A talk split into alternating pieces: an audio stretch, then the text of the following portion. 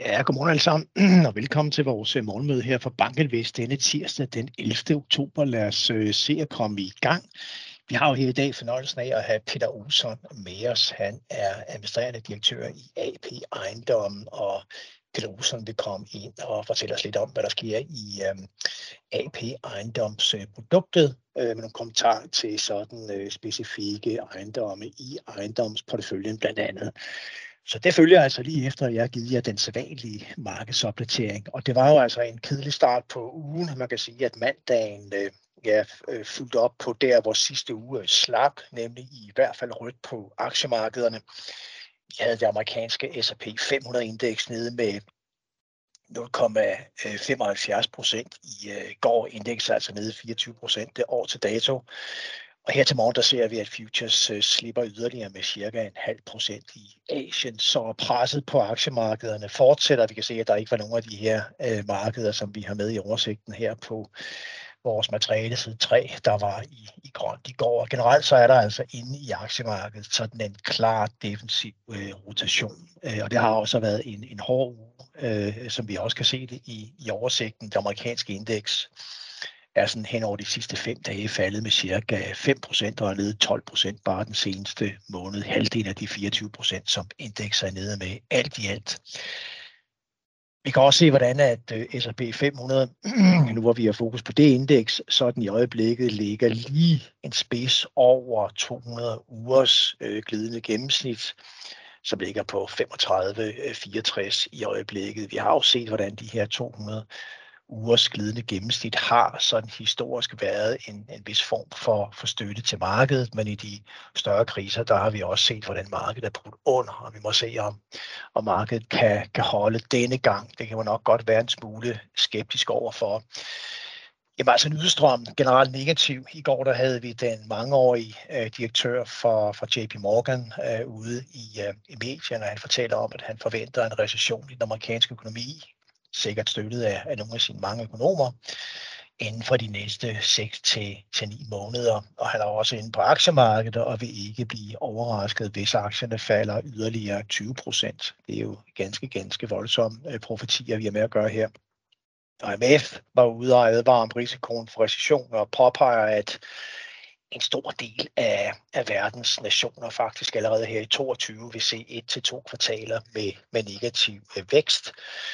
Og vi havde også Maurice øh, Opsfeldt, tidligere øh, cheføkonom i IMF, igen ude og advare om risikoen ved centralbankernes øh, renteforholdelser. Øh, pointen er, at vi har at gøre med centralbanker rundt omkring i, i verden, hvor rigtig mange sætter renterne op og det sker ret ukoordineret, og det vil sige, at centralbankerne øh, kan ikke sådan, har ikke overblikket over den kollektive effekt, kontraktive effekt af de renteforholdelser, som, som vi er vidne til, og dermed så risikerer vi, at renterne kommer for højt op, økonomierne bliver presset for langt ned i forhold til det, der skal til for at få inflationsudviklingen ned. Så, og så har vi selvfølgelig nydestrømmene ud af Ukraine, hvor vi jo senest i øh, går morges så en, en regn af russiske missiler ned over Ukraine, så vi har også et geopolitisk billede, der, der drejer lidt forkert retning, så der er ikke meget positivt at hente fra, fra nyhedsstrømmen øh, ind mod, mod aktiemarkedet. Og vi er altså også i en situation, hvor renterne de tækker op i, øh, igen, øh, særligt den 10-årige britiske rente i går, eller generelt det britiske renteniveau, skød i vejret. Øh, vi var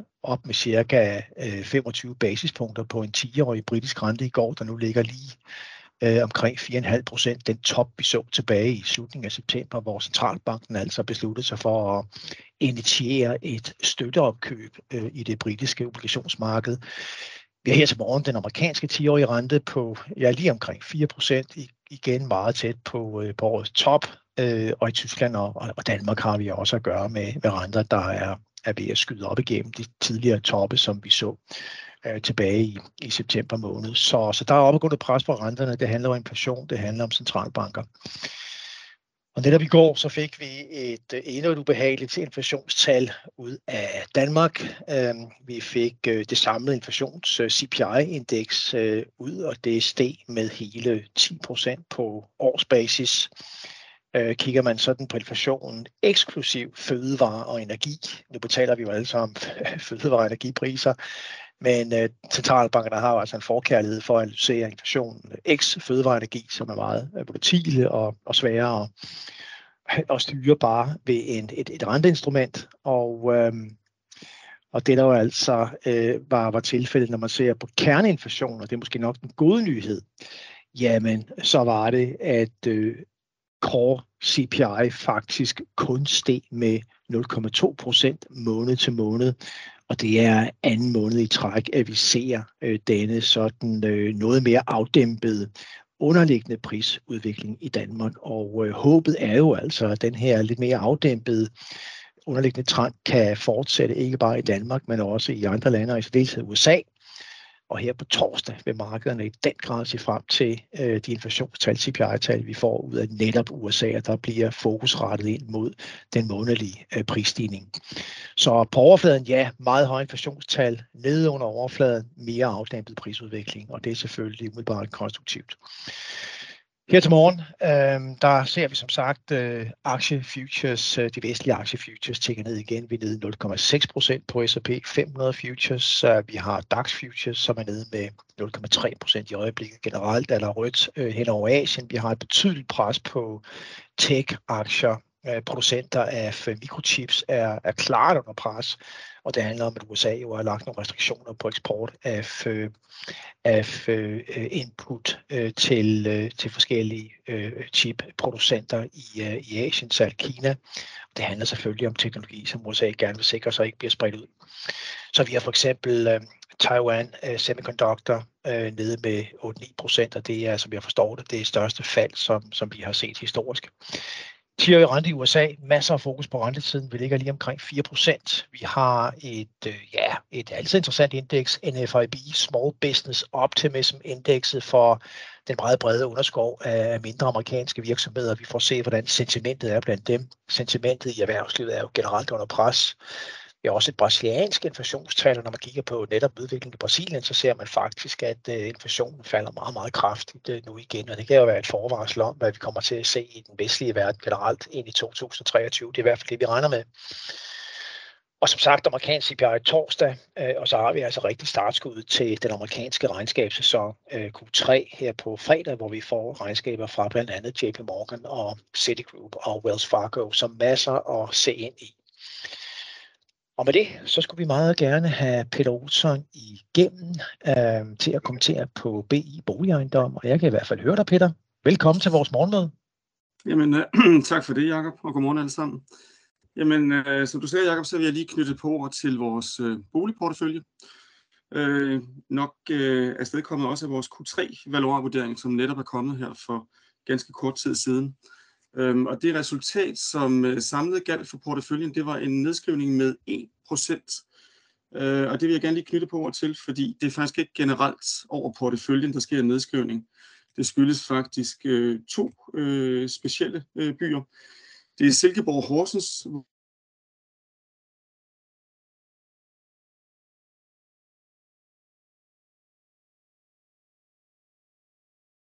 Der tror jeg lige, at vi faldt lidt ud der.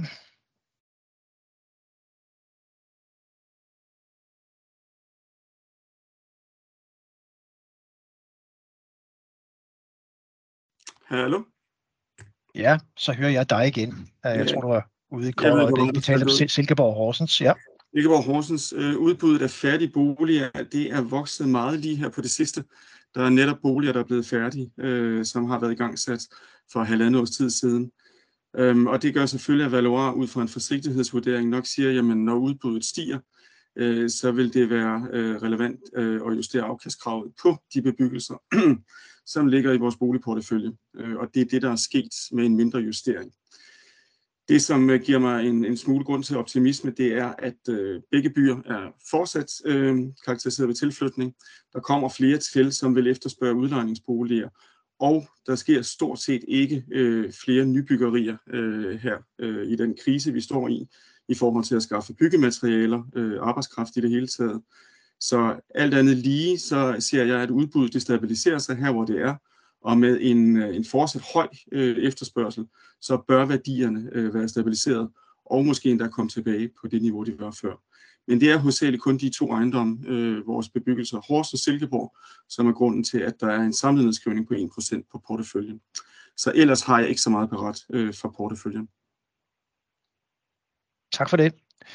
Nu læser vi jo om og kan konstatere, at der er pres på øh, boligpriser. For eksempel så øh, hører man om, at, at øh, lejlighedspriser i København er nede sådan en 6-8 procent. Øh, vi hører også, at øh, aktiviteten i sådan de i hvert fald dyre segmenter i, i boligmarkedet er, er aftaget kraftig omsætning hos ejendomsmalerne, stigende renter, så øh, sådan det kommentar til sådan øh, de trends i forhold til øh, de ejendomme, som, øh, som du har fokus på, og vi har fokus på her i BI Boligejendomme?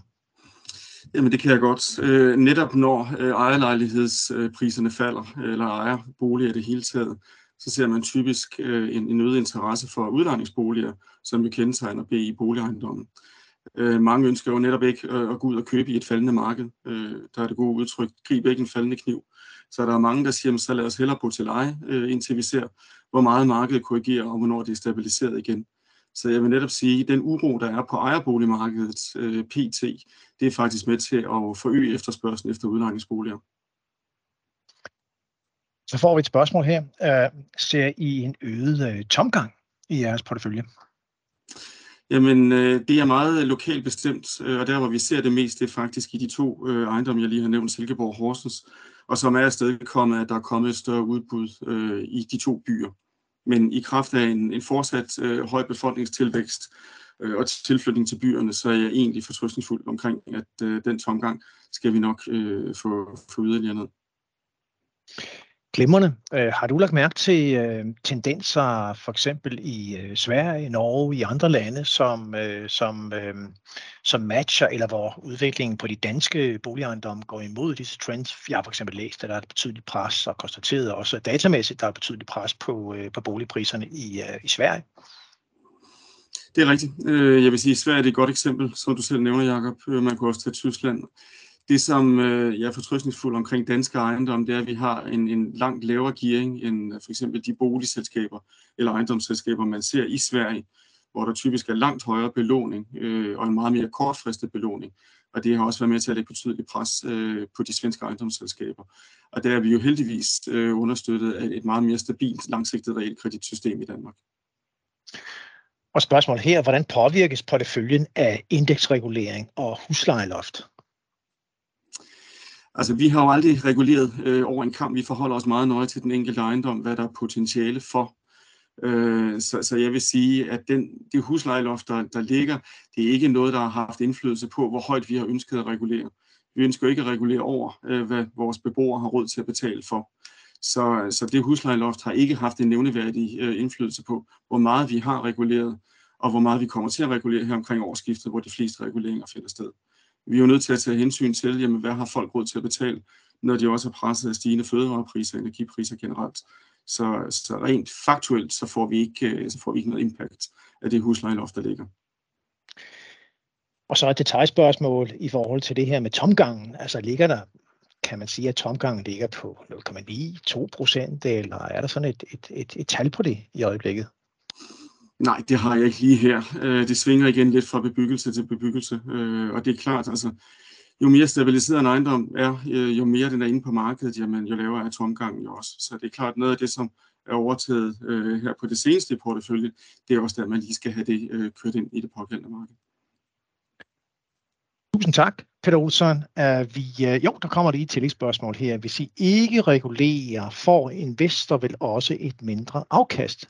Øhm, hvad tænker du om, om, om det? Om jeg tænker også, at vi regulerer, øh, men, men jeg tror ikke, vi havde reguleret over 4%, øh, som jo er loftet øh, i det, det nu øh, gældende indgreb. Så der kommer til at være en regulering. Øh, men, men netop i højinflationstider, og ja, heldigvis er der ikke så mange, der kan huske tilbage, der var det faktisk meget typisk, at man aftalte måske kun en, en halv øh, indeksregulering, eller 75 procent af indeksregulering, ligesom man faktisk også gør i Tyskland konsekvens. Så, så en, øh, i en høj inflationstid vil man typisk ikke regulere med fuld indeks, uanset lovindgreb eller ej. Tak skal du have for den præcisering, og øh, tusind tak for, at du lige var med os øh, her, Peter Olsson, øh, direktør for AP Ejendom. Det var kort, præcist øh, og til en vis grad komfortskabende. Øh, og øh, til andre derude, tak for, at I var med her til morgen. Vi er selvfølgelig tilbage igen med en markedsopdatering i morgen tidlig. Tak for nu alle sammen.